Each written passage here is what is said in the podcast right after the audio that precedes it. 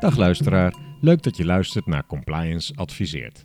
Het grote belang van integriteit binnen financiële ondernemingen en de bijzondere, wettelijk verankerde rol daarin van de compliance-functie fascineert ons. Daarom praten we ongeveer maandelijks met ervaringsdeskundigen en delen dit graag met een zo breed mogelijk publiek. Een podcast is daar dus ideaal voor. We zijn Niek Reuzelaars, zelfstandig compliance officer, werkzaam via Connective Payments. En ik, Erik Rijssenweber, compliance officer bij Triodos Bank Nederland. En eh, compliance adviseert, abonneer je op deze podcast, zodat je geen gesprek mist. Vandaag hebben we een gesprek met Maud Bukkerink uit Amsterdam. Momenteel is zij AML, pas op, hier komen wat afkortingen, CFT en Sanctions Advisor bij Bukkering Compliance International en partner en trainer bij FAC-wise, of moet ik zeggen FAC-wise? eh, Maud? FAC-wise. FAC-wise, oké. Voorheen was zij bijna negen jaar financial supervisor bij de Nederlandse Bank, met daarvoor nog rollen bij de Raad van Europa en het IMF. Vandaag vertelt zij bij Compliance Adviseert over sanctiewetgeving en hoe financiële instellingen daarmee om zouden kunnen gaan. Welkom Mout, hier in de studio Dankjewel. van Compliance Adviseert. Zou je iets om te beginnen meer kunnen vertellen over je rol bij DNB destijds? Ehm, ja, ik ben nou van 2008 tot 2017, eh, dus een kleine negen jaar, ben ik eh, toezichthouder WWFT en sanctiewet geweest. En daar met name eigenlijk op de, de, de banken, ook wel betaalinstellingen, ook wel trustkantoren, maar voornamelijk ja, negen jaar lang het WWFT, sanctiewet toezicht van de banken gedaan. Eh, een coördinerende rol ook wel. Eh, dus heel veel banken van binnen gezien.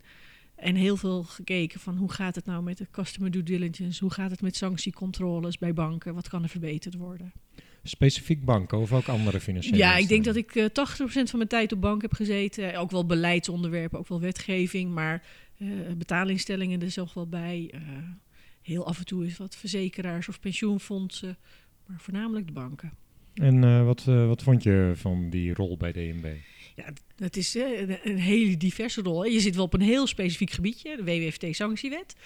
Maar het is wel enorm breed compliance gebied van alles wat er speelt. En je moet echt rekening houden met van, nou, hoe werkt het nou bij een kleine betaalinstelling versus een grote bank? Hoe zit het met een internationaal opererende bank versus een ja, bank die zich voornamelijk op Nederland richt? Dus elke keer moet je wel die risicoprofielen van banken in de gaten houden. Van hoe ver ga je met wat je vraagt als toezichthouder voordat je echt eh, ja, een beetje een oordeel kan vellen. Je gaat niet voor een klein money transfer kantoortje dezelfde eisen stellen als voor een grootbank. En dat vind ik wel interessant, dat hele brede gebied en heel divers. Plus ook de WWFT en de sanctiewet die dan zo anders zijn. En ehm, ja, de, de, het, de uitdaging zat dan volgens mij vooral in de proportionaliteit. Dat je kijkt hoe groot is een partij en ja, wat kun de je dan diversiteit. De diversiteit van de, de, de soorten instellingen waar je te maken hebt, de verschillende problemen die je krijgt eh, als vraagstukken. Dat maakt het heel interessant eh, vakgebied en, en ook werkgebied bij DNB. Oké. En wat, eh, wat vond je minder leuk? Ja, uiteindelijk ben je toch, je bent de toezichthouder. Hè? Dus je bent nou, nog verder dan de auditor. Dus je zegt... waren het- mensen bang voor je? Nee, voor mij niet. Nee. nee, maar je, je, je geeft een oordeel. Dus je zegt, dit gaat fout. En ik vind het ook heel leuk om te zeggen, hoe kan je het beter doen? Hmm. wat moet je doen? Dus ik heb eigenlijk wel jarenlang de leidraad geschreven. Om toch iets van guidance te geven. En ook wel eh, presentaties en trainingen en dergelijke. Maar op een gegeven moment houdt het op. Hè. Je mag als toezichthouder kan je niet gaan zeggen van... oh, zo moet je aan de knoppen draaien en zo moet je het doen. Want ja, dan kan je de volgende keer geen toezicht houden. Mhm. Dus dat vond ik het minder leuk. Dat op een gegeven moment houdt... Nou, niet je bevoegdheid, maar houdt het gewoon op. Want je kan gewoon niet advies geven. En dat vind ik, vind ik juist leuker, helpen met oplossingen. Had je de indruk wel dat DNB bijdroeg aan verbetering in eh, integriteit bij instellingen? Ja, ik denk dat DNB wel kan zeggen heel goed van... eh, wat gaat er allemaal fout, wat kan je beter doen? Maar niet echt heel diepgaand natuurlijk zeggen van... wat moet je als compliance gaan doen? Hè? Ze zeggen hooguit van compliance moet beter. Even heel makkelijk te zeggen, maar niet hoe dan precies. Dat kunnen ze dan weer niet zeggen inderdaad. Maar dat, het feit dat je zegt van eh, het loopt op dit punt en dit punt niet goed... denk ik wel draag je bij in, in de verbetering in het algemene compliance beeld. Ja. Mhm. Mhm. En uh, de relatie tussen uh, DNB en die instellingen, was die goed? Of kwam je ook wel met partijen die zich erg verzetten tegen DNB of toezicht? Nou, tegen toezicht. Iedereen snapt wel dat toezicht nodig is, inderdaad. En dan is het puur de mate van toezicht waar dan af en toe wel eens weerstand kan ontstaan. Of inderdaad, als je het even over de WWFT hebt, ja, de mate van regeltjes. Zo van, wat, is de, wat is nou voor ons het nut om zoveel te moeten doen aan dit onderwerp, mhm. terwijl we geen risico lopen? Ja, dat, dat, idee. Ja, dat, dat, dat, kan als toezichthouder zeg je dan van bewijs maar dat je geen risico loopt. Uh, maar uh, dus dat, maakt wel soms een, een, moeilijke verhouding, inderdaad. Hè, de weerstand die soms tegenkomt. Ik denk in, in die end snapt men wel dat toezicht nodig is. En zonder dat je per se een voorbeeld hoeft te noemen. Maar kun je je voorstellen, uh, kwam het wel eens voor dat je een regel uit de wet moest verdedigen als DNB, waar je eigenlijk zelf niet eens achter stond? Oh ja, ja nou, oh, de, nou met de, de, huidige WWFT en de interpretatie daarvan vind ik het soms wel lastig om te gaan uitleggen waarom je een ik wel, een gewaarmerkt kopie paspoort van een vertegenwoordiger moet hebben. Hm. wat, wat is dat nou voor... Wat draagt dat bij? Eh, eh, oh, je weet wie de vertegenwoordiger is. Je hebt je bevoegdheid vastgesteld. Dat is belangrijk. Maar dat je nu ook zo'n gewaarmerkte kopie paspoort hebt, heb je nu meer risico's beheerd? Of de pseudo-UBO ja, tegenwoordig. Ja. Welk risico beheers je door een directeur aan te wijzen of een CEO? Hm. Eh, heb je dan een witwasrisico nu beheerst. Dus dat vind ik wel lastig uitleggen. Of uitleggen, je kan het niet eens uitleggen. Hm. Uh, dus dat maakt het soms moeilijker. En ook als je dan een hele kleine instelling hebt, waarvan je denkt van ja, het risico is hier misschien beperkt, maar je moet toch alles doen. Ja, ja. ja, Dat, Uh, nou, dan kan ik me wel voorstellen dat dat. ja. En um, nog iets over privaat en publiek. Er is meer, steeds meer in het nieuws dat, dat er samenwerking zou moeten gaan komen. Hoe, hoe kijk je daar tegenaan? Ja, ik denk dat is de oplossing. Ik zeg niet dat je daardoor niet meer compliance hoeft te doen als je maar wacht tot het OM wat zegt. En, maar er zijn natuurlijk al sinds 2017 is er een uh, tussen OM, grootbanken, FIU en zo. Om hoe gaan we samenwerking met op het gebied van terrorismefinanciering. Volgens mij Vorig jaar ook over serious crime, een samenwerkingsverband. Ja, ook, ook, op het gebied van transactiemonitoring. Ja, uh, dus dat zie je, dat, dat, is puur met OM. Hè, dus dan krijg je, krijgen banken hele gerichte gegevens van hoe kan je VEC uh, bestrijden, inderdaad. Dus echte criminaliteit. En je ziet natuurlijk nu meer met inderdaad die transactiemonitoring. Uh, Nederland heet het volgens mij, hè, vanuit de NVB dat tussen de banken worden samengewerkt, maar ook dat DNB volgens mij dat dan ja, goedkeurt of in ieder geval graag meedenkt, denk ik wel. Ehm, ja, dat, dat is echt de publieke samenwerking natuurlijk. Mhm. En uh, samenwerking tussen FIU, DNB, OM en private sector. Ik denk dat zou heel veel instellingen helpen. Als je heel gerichte informatie krijgt van FIU, van OM, van dit is ons thema van het jaar, hier zitten wij bij mee te zoeken, of hier zitten we mee, dit willen we graag uitzoeken. En dat je dan als bank kan meehelpen. In plaats van een hele grote berg transacties en maar hopen dat jij uh, die speld uh, ertussen uithaalt. Ja. ja, want ja, het valt me toch vaak op. Het uh, betaalverkeer met name wordt steeds gefragmenteerder. Er zitten allerlei nieuwe partijen tussen, waardoor je als bank niet eens meer alle betalingen van je eigen klanten ziet. Nee, dus nee klopt. Oké, interessant. Je staat er dus in principe redelijk positief tegenover. Zeker die publiek-private samenwerking. Ik denk dat dat voor de, de meldplicht en echte opsporing een hele goede stap is om, om echt samen te werken met de banken. En tussen de banken, die transactiemonitoring, ja, dat kan ook natuurlijk veel efficiënter. Dat, dat je allemaal van je transactie van A naar B kijkt en de volgende kant bank ziet uh, klant B naar C en de volgende bank ziet C naar D. Maar ja, Volgens mij zouden we over dit onderwerp een hele podcast op zich kunnen volpraten, maar we gaan het straks hebben over sancties. Dus. En wat, uh, hoe kijk je aan tegen het huidige toezichtsmodel van, uh, ja, gewoon het toezichtsmodel? Mm en met name ook de rol van Europa en in, hoe, in hoeverre is dat effectief? Ja, het, het anti-witwastoezicht is natuurlijk heel erg lokaal ingericht, hè, domestic uh, dan. Ja, dus de WWFT wordt door DNB gedaan. Hè, een bank die een kantoor heeft in België uh, Nederlandse bank met een kantoor in België wordt door de Belgische toezichthouder voor het anti-witwastoezicht bekeken. en ook weer in Frankrijk. Dus ja, dat is zo gefragmenteerd. Uh, dat vertrouw je dus heel erg op de samenwerking tussen een Belgische, een Franse, een Duitse, een Nederlandse toezichthouder.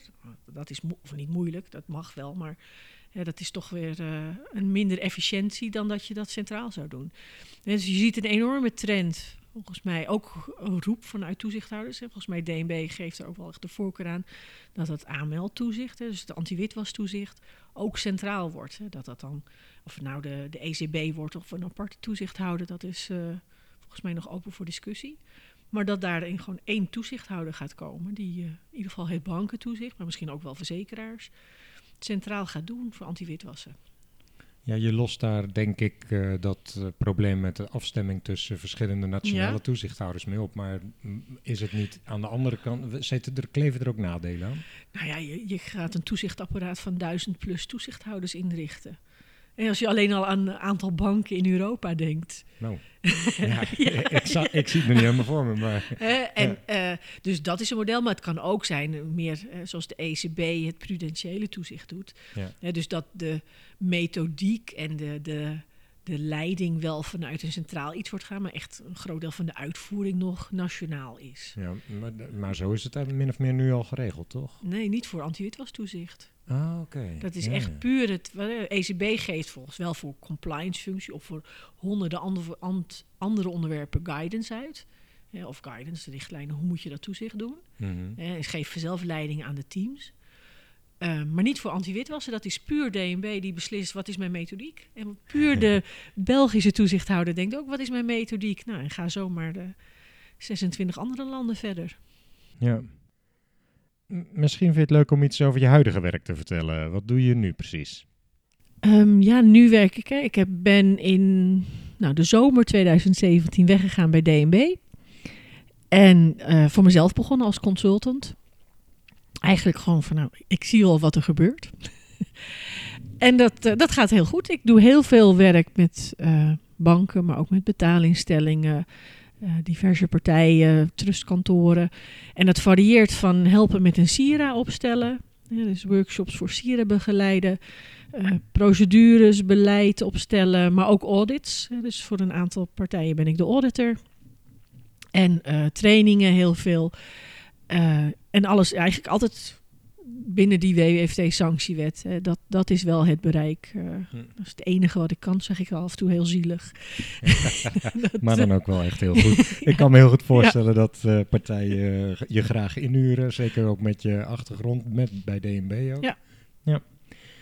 Um, nou, dan zou ik graag uh, over willen stappen op het onderwerp sancties. En voor luisteraars die nog niet precies weten wat dat is, wat is dat nou eigenlijk precies? Ja, dan kan ik een hele mooie definitie gaan voordragen natuurlijk. Hè. En, dat ook, en sancties, het, het, zijn gewoon politieke instrumenten. Het zijn instrumenten van de Verenigde Naties voornamelijk.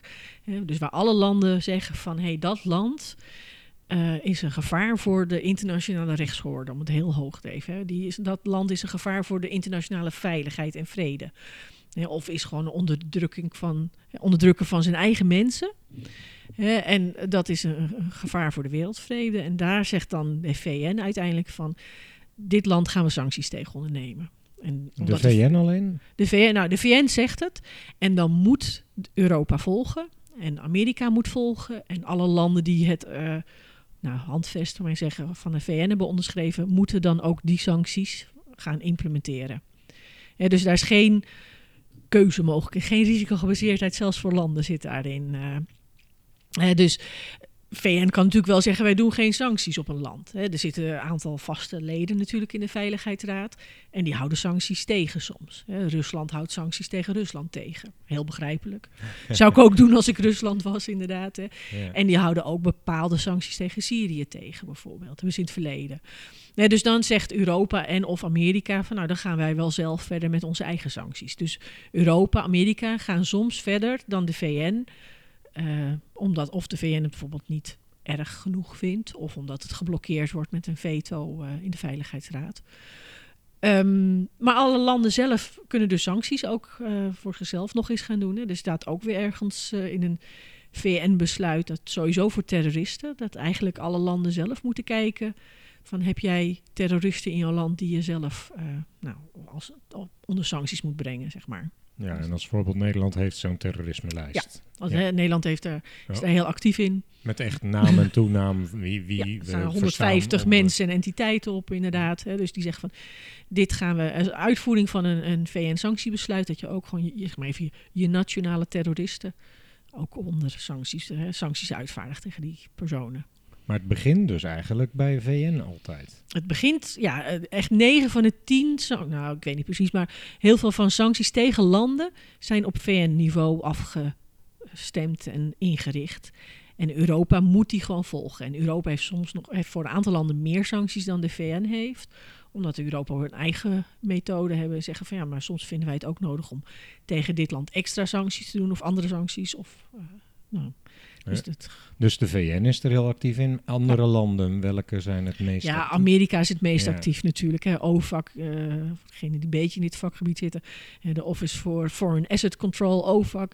Ja, die is natuurlijk echt het meest actief in, in ieder geval de, de handhaving van de Amerikaanse sancties. Mm maar ook ja, Australië, Singapore, China hebben allemaal hun eigen sanctie beleid, sanctiewetgeving. Dus als jij in Australië actief bent, moet je ook nog eens naar Australische sancties kijken. Ja. Oké. En uh, zijn die dan ook allemaal altijd, re um, altijd relevant? Als je bijvoorbeeld niet in Amerika actief bent, is het verstandig om toch de Amerikaanse uh, of andere landen sancties te volgen? Of? Nou, even Amerika scheiden van andere landen, okay, inderdaad. Ja, ja Amerika um, heeft een, een, een, kenmerk, die noemen dat uh, vaak secondary sanctions, waar ze ook zeggen van, nou, het feit alleen al dat jij onze sanctiesgrens, ook al ben je geen US person, vinden wij toch dat, dat wij jou mogen vervolgen. Dus, uh, en het is voornamelijk Cuba en Iran en uh, Noord-Korea, echt de, zware sanctielanden voor Amerika. Daar zeggen ze van je hoeft geen US person te zijn. Als jij met onze goederen handelt, of, ja, dan kan je toch nog onder onze sanctieregime vallen, onder de handhaving ervan. En andere, ook heel veel sancties, ben je al als je in dollars bezig bent. En je mag niet een US person aanzetten tot sanctieovertredingen. Dus als jij als Nederlandse bank dollars doet en je gaat tegen Amerikaanse sanctie in, zet je eigenlijk een Amerikaanse bank aan tot het overtreden van Amerikaanse sancties. Nee. Om de, die dollarbetalingen. Dus dan zeggen ze van ja, dan, dan kunnen we ook een Nederlandse bank bereiken. want uh, je hebt het dollarverkeer gebruikt en je hebt onze banken ja, uh, sancties laten overtreden door toch een transactie te doen. Ja, oké. Dus, maar dat is Amerika inderdaad. Kijk, Australië zal ook een heel groot sanctieregime hebben en weet ik veel, Singapore ook. Maar die hebben niet dat extraterritoriale zoals de Amerikanen. Dus dat maakt het, ja, als jij in Singapore bezig bent, ja, dan moet je zeker aan de Singapore regels houden. Maar als jij niks doet met Singapore dollars en nooit iets met Singapore klanten of weet ik veel, bijkantoor daar hebt. Dan hoef je die niet echt in de gaten te Dan hoef je die niet echt in de gaten te houden. Nee. En als we kijken naar de typen sancties, want je hebt het over landen gehad. Ja. We hebben ook al de terrorisme-lijst, dat zijn echt personen en andere type entiteiten. Maar um, ik heb wel eens gehoord dat er ook zelfs boten of uh, andere dingen op sanctielijsten staan. Ja. Hoe komen die daar terecht? nou, dat hangt dus helemaal. Hè. Je hebt, uh, vaak tegen een land wordt een sanctie uh, uitgevaardigd. En dat kan dus of personen van zo'n land komen op de lijst te staan. Hè, dus dan mag je geen geld meer aan zo'n persoon te geven. Maar er zitten ook vaak uh, wapenembargo's bij. Dus je mag geen militaire goederen naar zo'n land uitvoeren. Dus dat kan het zijn.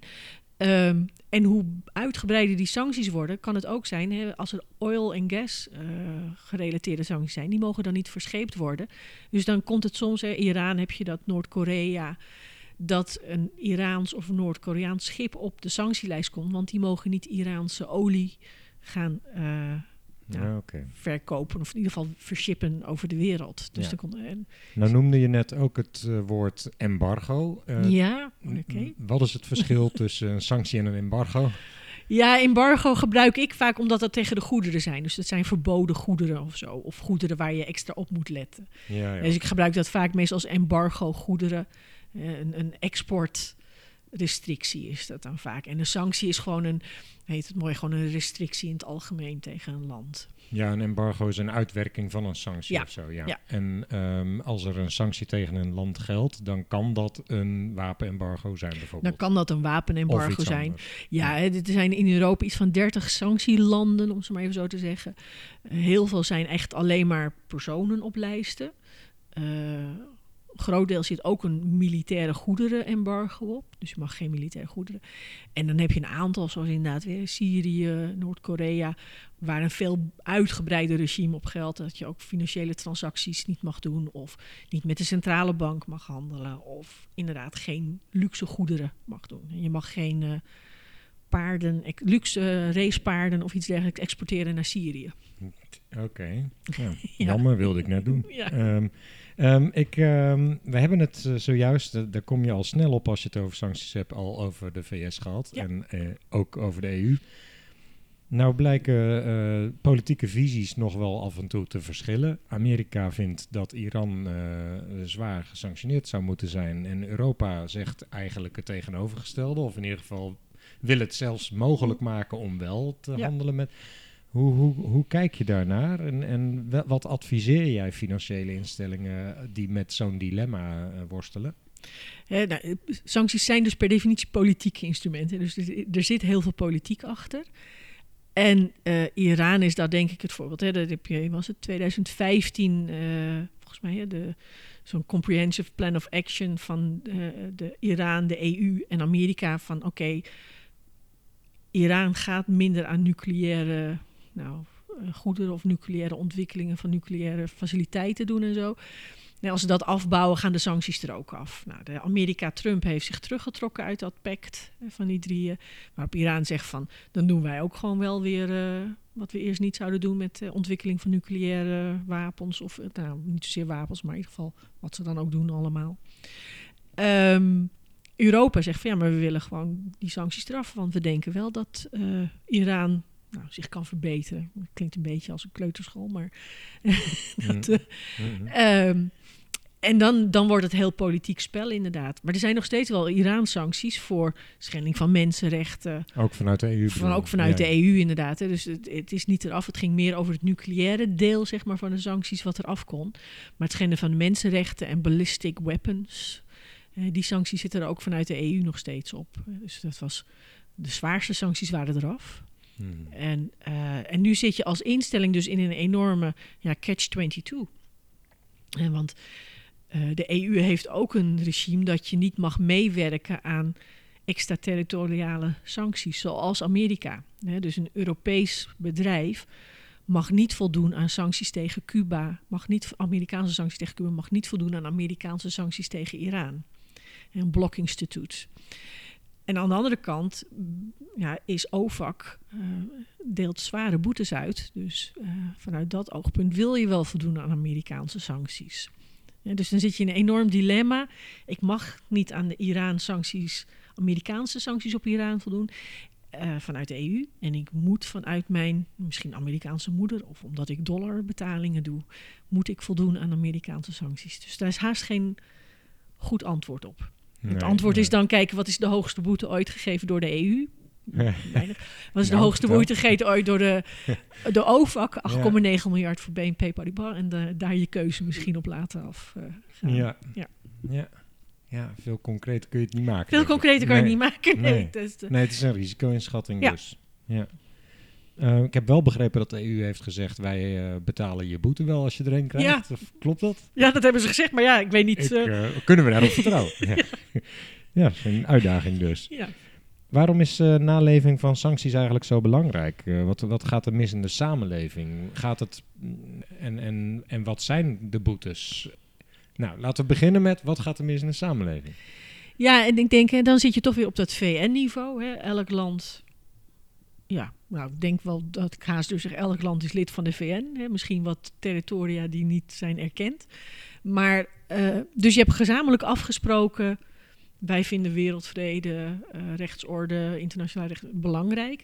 Als een land dat dus schendt en daardoor ook mensenrechten schendt, eh, moet je actie ondernemen. Zeg je gewoon gezamenlijk als, als internationale gemeenschap. Dat land schendt alle mensenrechten. Hè, eh, wij gaan sancties uitvoeren. Dus daarom zeg ik, het is politiek, maar je Hmm. ondermijnt eigenlijk je internationale samenleving als je dat maar zo'n gangetje zou laten gaan. Een meerderheid van VN-lan- VN-landen vindt dan jullie krijgen straf, want je bent stout. Ja. Eh, ja. Ja. Ja. Hè, en dat spreek je samen af. Nou, dat is, zo werkt de rechtsorde in het algemeen. Ja. ja. Maar de rechtsorde, daar heb ik redelijk vertrouwen in. Hoe effectief zijn die sancties? Merken we nou echt dat landen zich dan eh, gaan schamen en iets anders gaan doen? Of werkt het? hangt een beetje hoe koppig is dat land af. Hè? Iran eh, houdt het al behoorlijk lang vol onder sancties. Hè? Hm. Nu met eh coronavirus wel eventjes misschien wat paniek. Ja. Cuba houdt het ook al heel lang vol. Hè? Hebben daar toch wegen in gevonden. Eh, dus die, die Noord-Korea niet anders. Noord-Korea nog erger waarschijnlijk Mhm. inderdaad. Dus die, die eh, zijn, eh, nou, noem het maar, koppig. Of in ieder geval hebben zoiets van, ja, ik heb gewoon mijn soevereiniteit. Ik beslis zelf wel wat ik doe. Ook, ook een legitiem antwoord voor een land natuurlijk, inderdaad. ja. Ehm, maar heel veel andere landen, nou ja, de, Malediven was een sanctieland vorig jaar, een halfjaartje lang. Een half jaar. ja, oh, En ik heb niet ze precies de maanden geteld. Ja, dus eh, ze zijn op sanctieland gekomen, ook vanwege gewoon een dictatoriaal regime, Ja, ja. iets dergelijks. Eh, daar eh, nou, heeft men kennelijk gehoor gegeven aan de sancties. Er is iets veranderd en ze zijn weer geen sanctieland. Ik denk dat heel veel instellingen niet eens door hebben gehad dat de Malediven een sanctieland waren. Volgens mij stonden er ook misschien niemand of één of twee personen op de sanctielijst.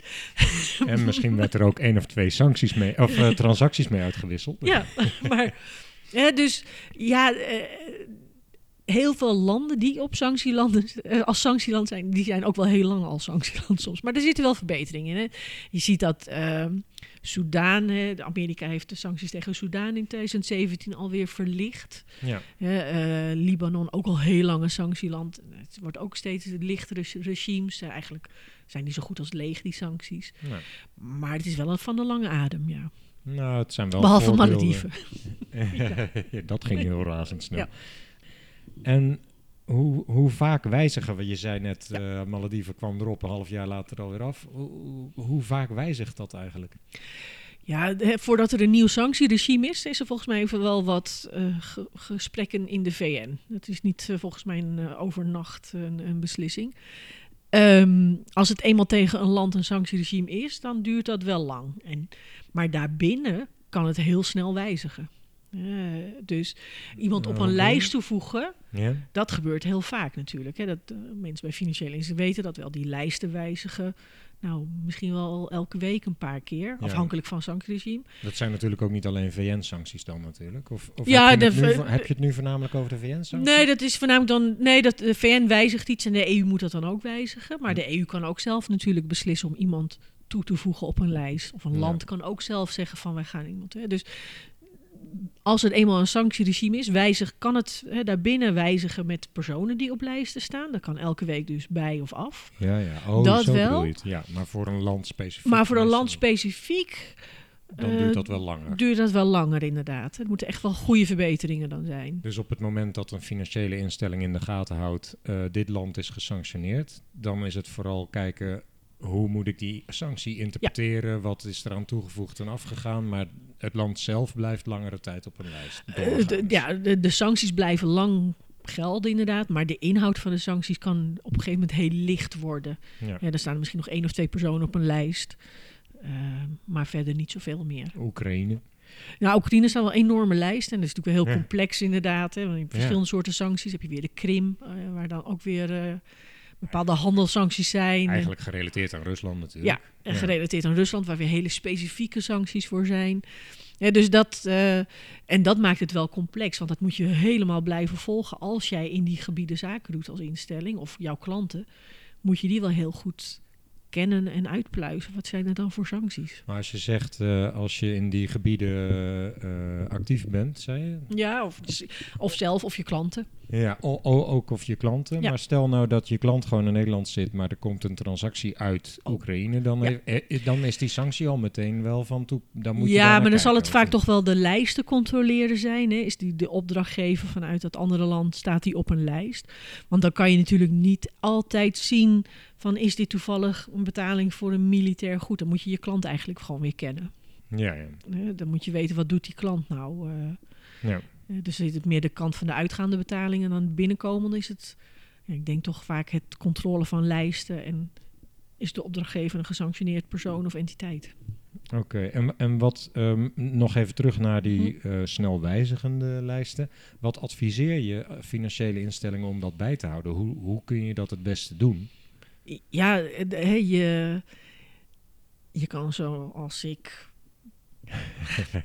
maar dat is een beetje beroepsdeformatie. Eh, je kan eh, dus eh, allemaal alerts hebben en e-mails en dergelijke. Waar je ziet van: oh, er is wat gewijzigd op de OVAC-lijst. Oh, er is wat gewijzigd op de UK-lijst of de EU-lijst, inderdaad. Dus, maar dat, dat zie je ook wel specialistische afdelingen. Als je grote bank bent, heb je specialistische afdelingen. Die hebben ook dat soort alerts. Maar een kleinere Maar een kleine bank, ja, die vertrouwt toch vaak wel op zijn provider van de lijsten. Dat Hmm. die het allemaal goed doen. Hè? Dus nou, je hebt een aantal usual suspects. Hè? WorldCheck, eh, LexisNexis. Je hebt een aantal van die providers van eh, lijsten. En vaak zie je toch dat een bank denkt van... ja, maar dat is toch een groot bedrijf. Die zal het wel actualiseren. En die zorgt er wel voor dat zodra er iets in de VN verandert... dat dat op mijn ja, lijst ook verandert. eh, die ik elke dag binnenhaal. Ja, ja, daar zou je dan op kunnen vertrouwen eventueel. Ja, ik geef al- als ik een audit doe altijd wel aan van nou, maar waar haal je dat dan vandaan? Hoe weet je dan dat dat eh, actueel is? Doe je zelf misschien vanuit je compliance testing wel eens een test? Als jij ziet van is iemand op een lijst toegekomen van oh laat ik eens even in Worldcheck kijken of dat ook is gebeurd. Hè? Dus ik vind dat je als bank nog steeds wel een, een check daarop kan doen. Hm. Nou valt het me al op, je zei net al iets van, je bent op veel alerts geabonneerd kennelijk. Want het valt me al op LinkedIn vaak op dat jij er meteen bovenop zit. Dat je altijd eigenlijk de primeurs hebt van nieuwe... eh, hoe doe je dat nou precies? Ja, een Wat over... zijn de tips? Wat zijn de tips? Ik wil het weten. Oeh, Kevel. Er Eh, ging bijna een kop thee omver, ja. Ehm, ja, dus eh, ik heb heel veel RSS-feeds.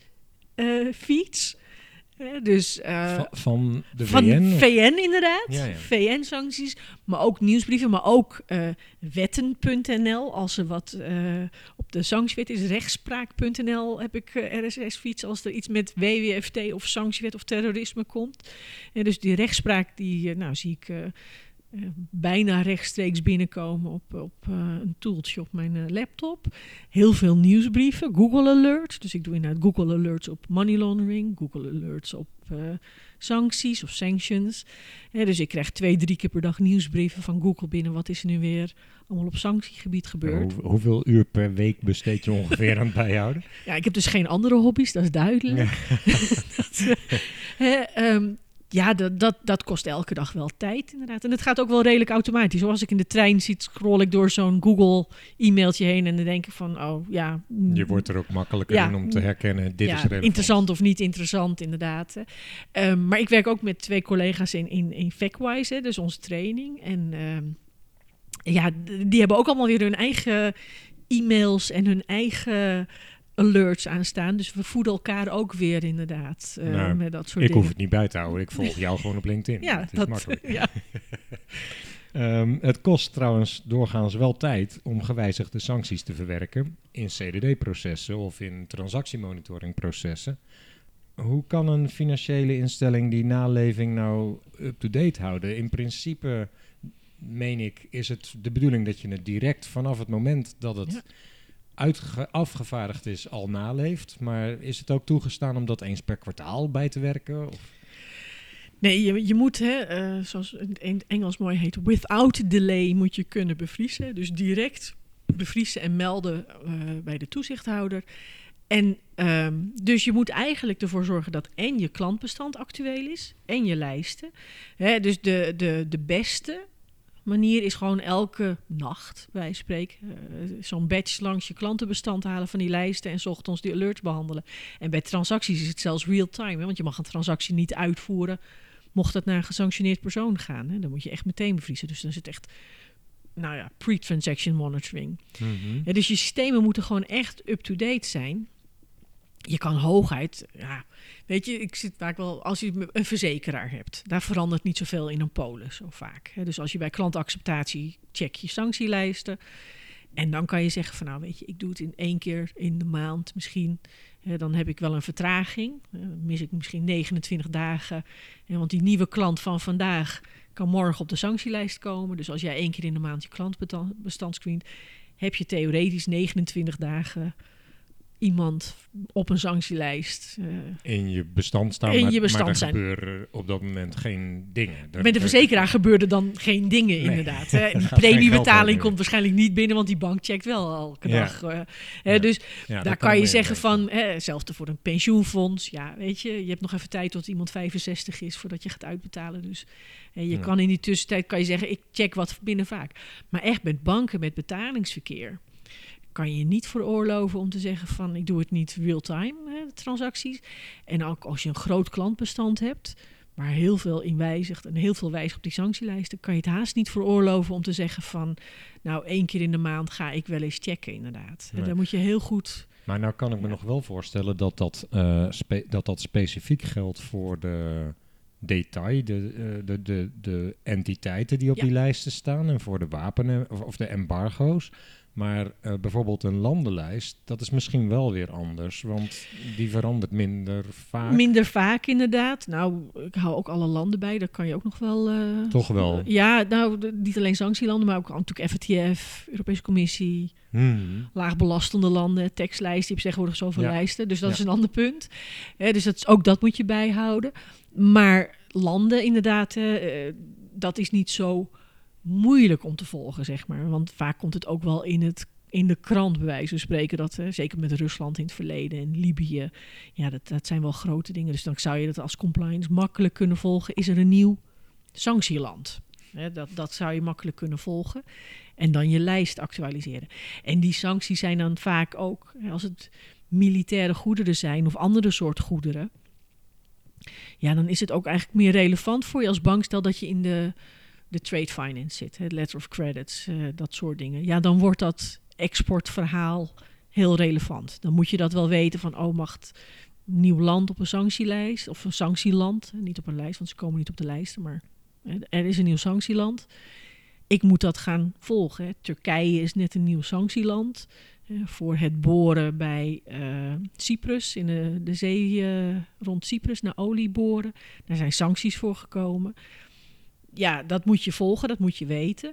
Maar je hoeft niet al je transacties naar Turkije nu meteen tegen te dichten. Maar wel als jij toevallig sorry, bedrijf- Wat, wat, zei je? Je hoeft je niet meteen al je Oh, transacties tegen het licht te houden, zei je? Of? Nee, alleen als jij dus klanten hebt die iets doen met seed drilling of wat dan ook. Hè. Kijk, als jij gewoon een groente- en fruithandelaar hebt die importeert of exporteert met Turkije en die sancties zijn zo specifiek, hoef je, kan jij nou, Turkije op je lijst toevoegen, want je moet wel even checken wat gebeurt er. Hè. Ik wil dat volgen. Maar het betekent niet dat al jouw klanten die iets doen met Turkije opeens een groot gevaar zijn geworden. Hmm. Dus Hm. die sancties moet je heel specifiek naar kijken. Wat zijn het voor sancties? En heeft dat betrekking op mijn klanten? Ja, ja.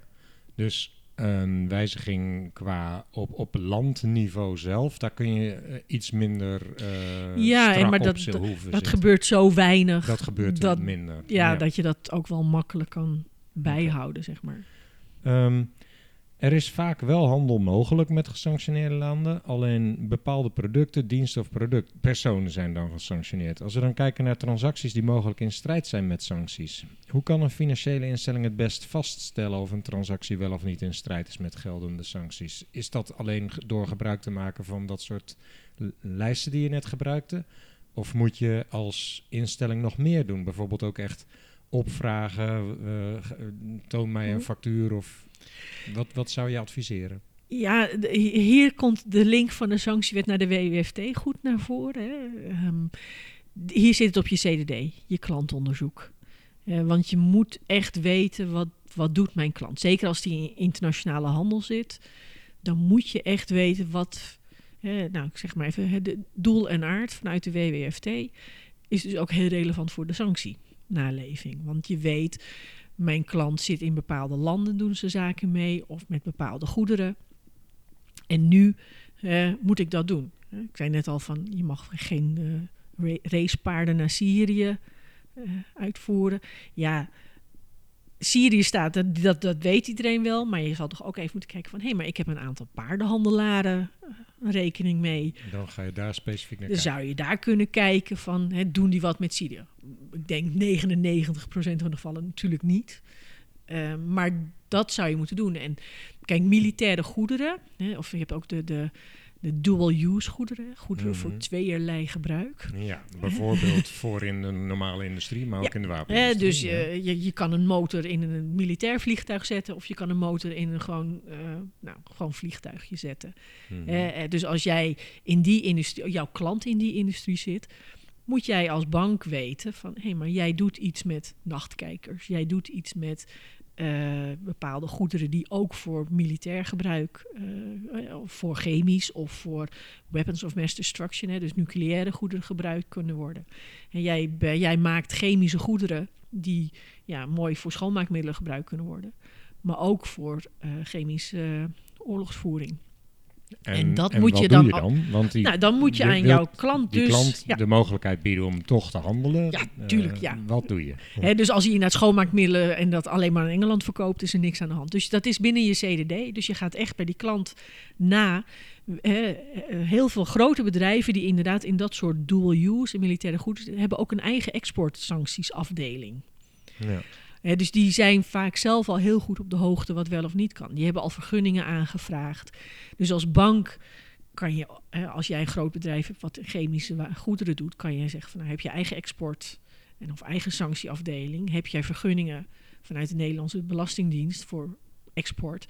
Als het antwoord ja is, kan je dat in je file opnemen en kan je daar Dan- goed op vertrouwen Dan kun je natuurlijk. daar wel op vertrouwen. Ja. Het is dan niet aan de bank alsnog uit te zoeken of wat Nee, d- doet d- klopt. dan wijs je je klant erop van je hebt een vergunning misschien nodig, ga dat uitzoeken. Ja. Eh, Nee, maar stel een Ja. vergunninghoudende partij eh, doet transacties met een land waarvan jij niet precies kunt vaststellen wat, waar, waar Ja. is die betaling voor, dan mag je ook vertrouwen op die vergunning? Of zou je dan, toch... dan, ja, dan moet je nog steeds wel kijken van, maar eh, heb je die vergunning? Want die vergunning kan natuurlijk best zeggen dat ze voor eh, factuur 1, 2, 3 voor een lading van 2000 kilo chloor, ik roep maar wat hoor, ik ben echt geen expert hierin, eh, dit mogen uitvoeren naar een bepaald land. Hè. Als dat de vergunning is en dat staat op de factuur en dat klopt met de betaling, kan je daarop vertrouwen. Ja. Maar als de vergunning dus gaat over chloor en ze voeren een of ander mosterdgas iets uit, dan ja, zou je dus echt wel moeten stoppen. En dan zit je echt in de handelsfinanciering en de trade. eh,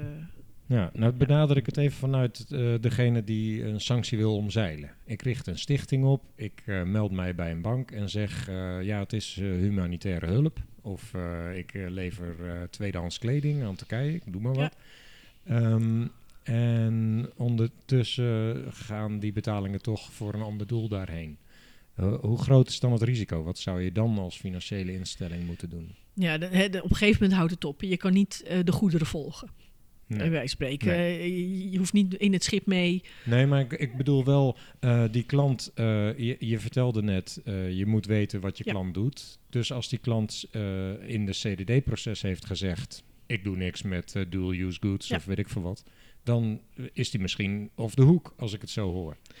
Ja, maar je, je, hebt natuurlijk wel, je hebt de, weet ik de jaarverslagen, je hebt Kamer van Koophandel. Dus je kan wel zien aan codes of websites van een bedrijf soms, wat doen ze nou echt? Hè? Dus Ja, maar een ja. stichting zegt dan, eh, ik lever tweedehands kleding. En dat, eh, maar ja, als ik sancties wil omzeilen, dan ga ik misschien wel met die partij om tafel zitten en bied ze een leuke, leuke Ja, fee en- voor het... En dan, eh, dan is er dan toch van, hey, maar dan ga je weer terug naar dat land. Hè, waar gaat die betaling naartoe? Dus gaat de betaling naar Turkije, even afgezien van het feit dat er specifieke sancties zijn, kan jij als bank niet altijd zien dat het misschien omgeleid wordt naar Iran of naar Syrië.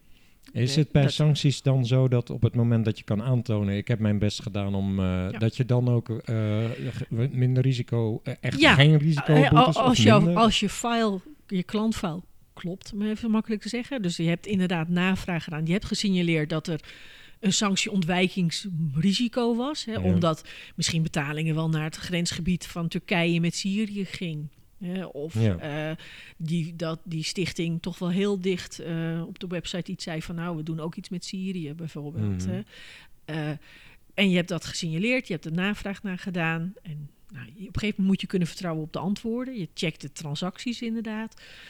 Dan, dan heb je het gedaan. Maar het hangt er ook weer vanaf, want de Amerikanen publiceren heel veel over sanctieomzeiling met, bij Noord, de- door Noord-Korea. Hm. Ja, dus die hebben hele lijsten over joint ventures die zijn opgesteld met China, met Chinese bedrijven. Ja, dan, dan moet je dus weer extra gaan opletten. Noord-Koreanen zijn nog beter in omzeiling dan menig ander sanctieland. Ja, dus dan, als jouw klanten veel in bepaalde, wat is het, Dandong haven in China of zo, als jouw klanten daar vandaan of naartoe shippen, heb je een extra verantwoordelijkheid, denk ik, om op te gaan letten. Wat zit daar nou? Maar Ja. dat varieert dus heel erg van sanctie. En zie je dan veel eh, banken of financiële instellingen die er dan voor kiezen om toch maar helemaal af te zien van die handel met die klant, eh, omdat het risico niet meer Ja, beheersbaar eh, is? da- daarom zie je dat natuurlijk heel veel financiële instellingen, Syrië, nou, Noord-Korea is sowieso echt zwaar, zwaar blacklisted, door welke organisatie ook. Maar je ziet dus heel veel landen zeggen van ja, maar dit sanctieregime is zo strikt, ik kan dat gewoon niet beheersen. Dus die vragen of aan hun klant vaak van, ik wil, het is goed dat jij, eh, ik wil, handel met Syrië doet, maar niet via mijn bank. Kan je verklaren dat in ieder geval alles wat jij doet met Cuba of Syrië niet via mijn bank gaat. Zoek dan maar een andere bank voor. Dat gebeurt vaak. Of we willen jou bedienen, maar we doen niks inderdaad over een bepaald soort transactie. Of naar bepaalde landen doen we geen transacties voor je. Dus dat, dat zie je vaak als een soort extra maatregel van banken. Nou, ik wil je graag als klant hebben, maar niet voor dat deel van jouw business. Ja, ja. Heb je een voorbeeld van een eh, bedrijf die een boete opgelegd kreeg of een schikking trof voor niet naleven sancties? Ik weet ehm, vanuit Amerikaanse sancties, Fokker heeft eh, vanuit OFAC eh, hele grote boete gekregen voor eh, ehm, vliegtuigonderdelen, Fokker vliegtuigen die in Iran vlogen. Die moesten gerepareerd worden en het moest dan in Amerika gedaan worden. En dan eh, kwamen die onderdelen van die Iraanse vliegtuigen, die Iraanse Fokker, zeg maar, naar, nou, waarschijnlijk naar Nederland. Hoe de, de route ging, weet ik niet precies. Maar dan zei Fokker van, oké, een Amerikaans bedrijf is de enige die dit moertje, schroefje, onderdeeltje kan maken. Maar dan halen we Iran weg uit de, Betaalomschrijving. nou niet eens de betaalde opdracht eigenlijk. Hè, Of de end user. De end user werd dan gewoon weer van Portugal, eh, Fokker of iets dergelijks. Of niet meer eh, Iran. En die hebben een hele grote boete gekregen inderdaad van... Weet je hoe ze erachter zijn gekomen? Nou, omdat volgens mij op een gegeven moment toch die, die, die bedrijven in Amerika wel, sommigen zeiden van, hé, maar gaat, heeft dit niet met Iran te maken? Ja, en dat dan ook weer Fokker moest zeggen van, nee. Nee. Zoiets En hun dergelijks. neus werd langer en langer. Ja. Dus die hebben een hele, eh, van, vanuit Amerikanen hebben die een grote boete gekregen. En ook ja, Nederlandse bedrijfs, maar dan is het toch vaak weer het OM die dan zegt van je krijgt een boete voor iets. Maar dat, vol, dat zie je wat minder. Dat moet echt Ja. gepubliceerd worden. Maar de Fokker is wel een groot voorbeeld. Ja, interessant voorbeeld. Ehm, en ik neem deze podcast vooral op voor eh, financiële instellingen. Is er dan ook de bank die die transacties regelde, is die dan ook aangepakt? Ja, dat vind ik een interessante vraag. Ik weet dus dat die Amerikaanse bedrijven niet zijn aangepakt, omdat ze echt om de tuin zijn geleid, zeg maar. Hè. Eh, zoiets staat dan in die, in die OFAC-regeling. Maar ik weet dus niet hoe dat financiële verkeer ging. Hoe werd dat dan betaald, inderdaad? Nee. Maar dat kan natuurlijk best dat, eh, nou in ieder geval de Iraanse vliegtuigmaatschappij zal Fokker Nederland hebben betaald, gewoon op een andere manier. En ook daar zullen sancties zijn geweest. Maar ik weet niet hoe het financiële betalingsverkeer zit. Daar staat dus niks over in de, zeg maar, de, de boeteoplegging vanuit de Amerikanen. En ik weet ook niet of een Nederlandse, want het, eh, er staat niet in welke bank, of dan een Nederlandse bank dacht van, oeps, wij hebben Fokker in de boeken staan. Laten we eens even kijken wat we hebben gedaan aan transacties de afgelopen nou, twee, drie jaar dat het liep. Dus Nou eh, ja, dat, dat zou je verwachten. Dat Ja. dus ook een Nederlandse bank dan denkt van nou, dat is al, die zal wel bij ons in de hoek staan. Wat hebben wij gedaan? Dus dat het eigen due diligence is. En ik weet ook niet of DNB heeft eh, nou zeg maar een soort uitvraag naar alle banken. Hebben jullie toevallig Fokker in de boeken staan? Want dat ja, deed DNB en, dan en wat niet. hebben jullie gedaan? En wat hebben jullie dan eh, gedaan? Ja, dus het, het, het zou wel logisch zijn, hè, want er zit gewoon die, al, die due diligence zit er ook op van hoe zijn die betalingen gegaan. Maar Ik weet, hè, de, de, de Amerikaanse bedrijven zijn niet vervolgd door OFAC, want eh, die hadden, sommigen hadden wel gewoon nagevraagd en werden dan weer om de tuin geleid. Eh, Maar ken maar je, misschien een, nee, ken, nee. Je een, ken je een ander voorbeeld waarbij een bank aangepakt werd omdat hij een bedrijf in de boeken had die de sancties overtrad? Nee, eigenlijk niet, inderdaad. Dat is toch Dan eigenlijk vind- ja? Waarom doen we dan al die moeite?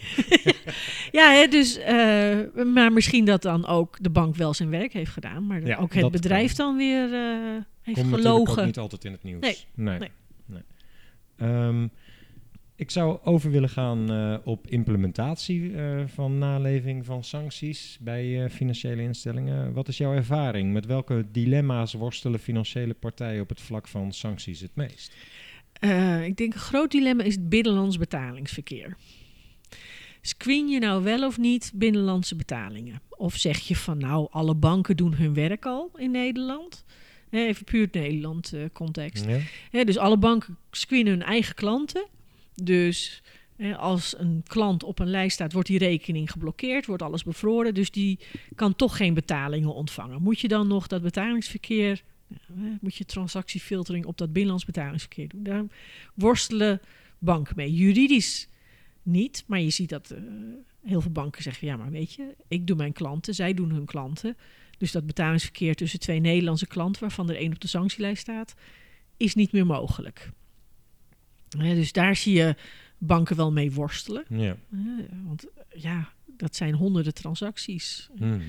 De, de, eh, de familie de Jong geeft altijd een hit op Kim Jong-il. Weet je? Ja. Dus eh, en iedere keer weer vaststellen dat het niet Kim Jong-il was Ja. op, op basis van geboortedatum. ja, ja, inderdaad. Hè. Dus, dus daar worstelen mee, dat binnenlands betaling. Hoe ga je ermee om? Mag je dat niet doen? Of moet je dat doen? Kan je daar iets van variaties in doen? De wet zegt gewoon, je moet het eigenlijk doen.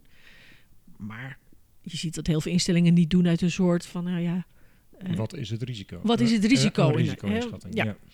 ehm, Andere dilemma's? Andere dilemma's, ja, dat zit toch echt wel in die, die goederen, hè, die sanctiegoederen. Dan, dan heb je het echt over export finance, eh, de sancties op landen die heel complex kunnen zijn. Eh, Rusland, hele complexe sancties die echt over investments te maken hebben met een aantal Russische banken.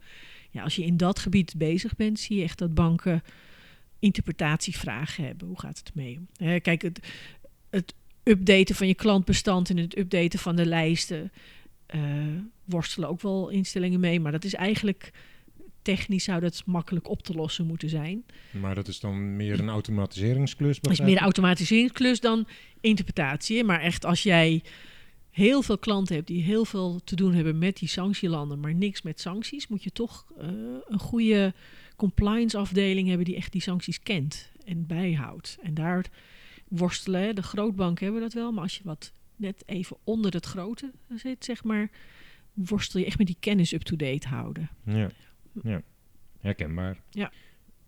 En heb je dan nog eh, ervaring met manieren waarop je dat zou kunnen implementeren dan het beste? M- Moet je dan zelf al die sancties door gaan lezen? Zijn er aanbieders die daar eh, best of eh, school of Ja, best practices Best of zo. practices. Ja, ja kijk, er zullen ongetwijfeld zijn er ook inderdaad consultants en, en dergelijke die dat bijhouden. Of, en, en die, waar je gebruik van kan maken. Ik denk zelf dat je toch als afde compliance afdeling... en je weet dat je misschien een groot sanctierisico loopt... Zeg maar, of in ieder geval vanwege jouw klanten... dat je toch het beste zelf kan bijhouden. Dat je echt gewoon iemand dedicated moet maken van... eh, jij volgt het sanctienieuws, om het even zo te zeggen. Ja. Jij controleert gewoon wat gebeurt er op VN-EU-gebied op sancties. Hm. Want we willen het gewoon weten als er iets gebeurt met de Rusland-sancties. Eh, want dan moeten we even die klanten gaan. Je wil niet wachten tot DNB die brief stuurt en zegt van er Nee. komen sancties aan. Nee. Ga eens even heel goed controleren wat jij in je klantbezand hebt zitten. Ja. Dat wil je eigenlijk al wel weten. Ja. En dus het zit echt op de kennis en het bijhouden van, van alles wat er gebeurt. Ben je van mening dat de huidige financiële instellingen waarmee je te maken hebt eh, voldoende doen om die sanctiewetgeving na te leven? Ik denk op het screenen van lijst is iedereen bewust en doet het. En dat kan inderdaad, het zal niet altijd al overnacht zijn. En er zal een, een maandje tussen zitten soms, of een week, of wat dan ook. Eh, maar echt op die, die sanctielanden en die sanctiegoederen. En ik denk dat daar eh, heel veel kennis ontbreekt. En dus ook wel misschien instellingen zijn die wel iets doen met exportkredieten of financieren van export aan hun klanten. En die zich eigenlijk niet goed bewust zijn van, oh, hier kan wel eens een sanctie-angle in zitten. Hier kan wel eens wat met sancties te maken hebben. Uh, omdat men misschien ervan uitgaat van, oh, maar dat weet mijn klant al. En als, uh, dus die doet die transacties niet. Ja. Uh, dus, nou, ik, ik, zou me ook kunnen voorstellen dat het risico ook zit bij klanten die zich er juist nauwelijks bewust van zijn dat ze mogelijk in een risicogebied ja. iets leveren. Of, ja. of die denken van, ja, maar ik, ik ben een, een universiteit, ik kan best met Iran iets uitwisselen of zo. Ik kan best mijn kennis met Iran uit, want we zijn een universiteit. Maar er staan ook Iraanse universiteiten op de sanctielijst. Dus dat, uh, en dan, Mhm. dan schip je misschien wel een goed of je naar andere uh, experimentele dingen. En dan uh, kom blijkt je dat, dat, uh, blijkt dat toch een overtreding. overtreding te zijn, inderdaad. Ben je in de praktijk wel eens tegengekomen een hele, hele creatieve constructie om sancties te omzeilen van landen of Die gelukt is in niet beboete En- Amerikanen. Eh, Nou ja, nee, maar anders, laat ik het anders formuleren. Ik kan me voorstellen dat je wel eens bij financiële instellingen bent waar toch iets aan het licht komt, wat gedetecteerd is, wat, wat sanctiegerelateerd blijkt te zijn. Eh, Heb je daar een voorbeeld van of is dat toch. eh, nee, dat, ik denk dat zijn voor? hele incidentele gevallen. Die komen niet, niet stel naar. Tenminste, niet dat ik weet, inderdaad. Nee, het is meer het- in de oplossingen dat men misschien inventief is. eh, over de, het bijhouden van of eh, expertise inzetten. Maar niet. Nee, ik heb niet Nee. zo'n direct voorbeeld dat ik denk van: oh, dit eh, was een goede Nee. catch. Nou, als men creatief is met het omzeilen, merk je het waarschijnlijk ook ja, niet. dat is het punt. inderdaad. Wat vind je van de deskundigheid van trax- transactiemonitoring-analisten? Waar moeten die vooral erg goed in zijn qua vaardigheden? Of, En dan specifiek op sanctie. Dat ja, ja, ja. specifiek sanctie. Ja, die moeten echt kennis hebben. Die moeten echt. Hè, dus, en dan zie ik het meer bij transactiemonitoring in als je met eh letter of credit of exportfinanciering bezig bent. Die moeten echt goed weten van, oh wacht, ik zie een transactie naar eh, Rusland. Ik zie een transactie naar, ehm, nou, ik veel, Libanon. Ik zie een transactie naar Egypte. Die moeten weten van, is dit nou relevant voor sancties of niet? Mali is een sanctieland, maar er staan volgens mij vijf personen op een sanctielijst. Ja, hoef je niet al je transacties naar Mali eh, te blokken en te gaan controleren. Nee, want daar zitten geen andere embargo's onder. zitten of niet, zo. eh, nee, alleen eh, die vijf personen. Zoiets Ja. inderdaad. Hè? Dus, eh, dus dat, is echt de kennis. Hè? Maar het systeem zal misschien wel even een, een alert hit, of ja. geven. Hè? Omdat ja. die lijsten die geven gewoon die landen aan eh, vaak. Mm, Dat betekent dat je inderdaad ook heel eh, divers je beleid moet insteken. Je kunt niet alleen zomaar zeggen, dit zijn landen waar risico's zijn. Je moet Ja. veel dieper gaan om te kijken, wat zijn die risico's dan bij die landen. Ja. Ja. Eh, voor sanctielanden moet je echt kijken wat is het voor sanctie en, en hoe ver moet ik gaan. Oké, je hebt iets gezegd over de kennis. Zijn er nog bepaalde vaardigheden dan ook waar je eh, specifiek op traint als je een training geeft of waar je op let? Ja, en, dat is toch eigenlijk ook weer van, hè, de- gebruik je bronnen goed. Gebruik heel goed. eh, ken je klant, hè, dus gebruik dat klantfile moet echt goed gevuld zijn. Hè, met wat doet die klant, want dat moet je echt als analist of als transactiemonitoring specialist naar terug kunnen gaan naar dat, dat klant, die klantgegevens om te zien wat doet die nou echt. Hè? Dus het zit heel erg in het samenspel tussen de CDD-analyst dat die alles goed opvraagt en vastlegt voordat je die transactiemonitoring goed kan doen. Om uit te sluiten dat die transactie naar dat land helemaal niks met sancties te maken heeft. Want we weten al vanuit het CDD-verhaal dat weet je, het is daar groente. zou je dan op ja, kunnen leunen. ja, het is Ja. groente en fruit en Hm. het heeft helemaal niks te maken met eh, chemische wapens, wat verboden zou zijn misschien. Oké. Hm. Dat zou dus voldoende zijn, zoals we eerder dit gesprek Ja, de, hebben de, de gezegd. kennis en dan de, wat Als er af... CDD-onderzoek goed is uitgevoerd, Ja. kan je daarop leunen om te bepalen, Ja. hier Eh, kan en niet sprake zijn van een sanctie. Dan is het ook weer van, ga maar die klant is voor het laatst vijf jaar geleden gereviewd. Er kan van alles gewijzigd zijn in de... Businessactiviteiten. CDD Voorwaarde is wel dat het CDD-onderzoek nog steeds actueel en goed is. Ja, ja, nee, dat begrijp ik. Ja. Welke belangrijke risico's en ontwikkelingen zie je op het vlak van sanctieregelgeving? Zijn er bepaalde trends te noemen? Of? Ja, dan kom je weer op dat VN-gebied terecht. Hè. Ehm, je ziet dat die sancties worden steeds meer tailor-made. Ver voor mijn tijd, maar zeg maar in de jaren tachtig was het gewoon werd een land platgelegd. Eh, de, de, de wet is van 1977. hè, Mm, Sanctiewet de 1977. sanctiewetregeling, Ja, ja. sanctiewet Mhm. 1977. Die is op dat moment zo geworden omdat er op Rhodesië import- en export eh, restricties waren. En de, nee, de toenmalige wet kon het niet aan. Maar heel Rhodesië, Zimbabwe, werd gewoon platgelegd. En eh, die sancties zijn door die decennia heen veel gespecialiseerder geworden. Rusland, eh, men, niemand heeft politiek de behoefte om Rusland plat te leggen Hm. eh, voor sancties. Hm. Dus dat zijn over vijf banken mag je niet bepaalde financial instruments in investeren. Hè, En dan ook nog eens als ze van voor, wat is het, augustus 9, 2014 zijn of eh, met een looptijd van 30 dagen dan wel 90 dagen. Dus je moet echt in de details duiken om te weten. Dus, dat, Ja. dat zijn, dus dat worden hele tailor-made sancties Mhm. worden er gemaakt. Er En worden- dat is een trend die je nog wel dat is door een ziet trend. Dus eh, Mali, er staan alleen maar vijf militairen op een sanctielijst. We gaan niet heel Mali platleggen omdat er vijf militairen zijn die eh, mensenrechten schenden. Of Hm. ik weet niet precies wat ze hebben gedaan. Maar, Ja. eh, ehm, dus de, de, de sancties zijn heel gericht op waar gaat het fout volgens de internationale gemeenschap. En daar worden sancties op eh, neergelegd. Dus ja, dat zit echt in de kennis van de sancties dan waar je op uitkomt. Oké. Ja, meer, meer, steeds, steeds verfijnder die informatie. Ja. Oké. Hoe staat het eigenlijk met het melden van sancties? Doen financiële instellingen dat netjes? Bij, en bij wie dan? Even, financiële, hangt dus af wat je bent voor financiële instellingen. Als je onder toezicht staat van DNB, dan meld je bij DNB. Sta je onder toezicht van de AFM, dan meld je bij de AFM. Hè, dus een beleggingsonderneming bij de AFM, Mhm. een bank bij DNB. Maar stel dat je een notaris bent en wel onder de WWFT valt... hè, en eh, je zou toch iets met een sanctiepersoon, gesanctioneerd persoon tegenkomen...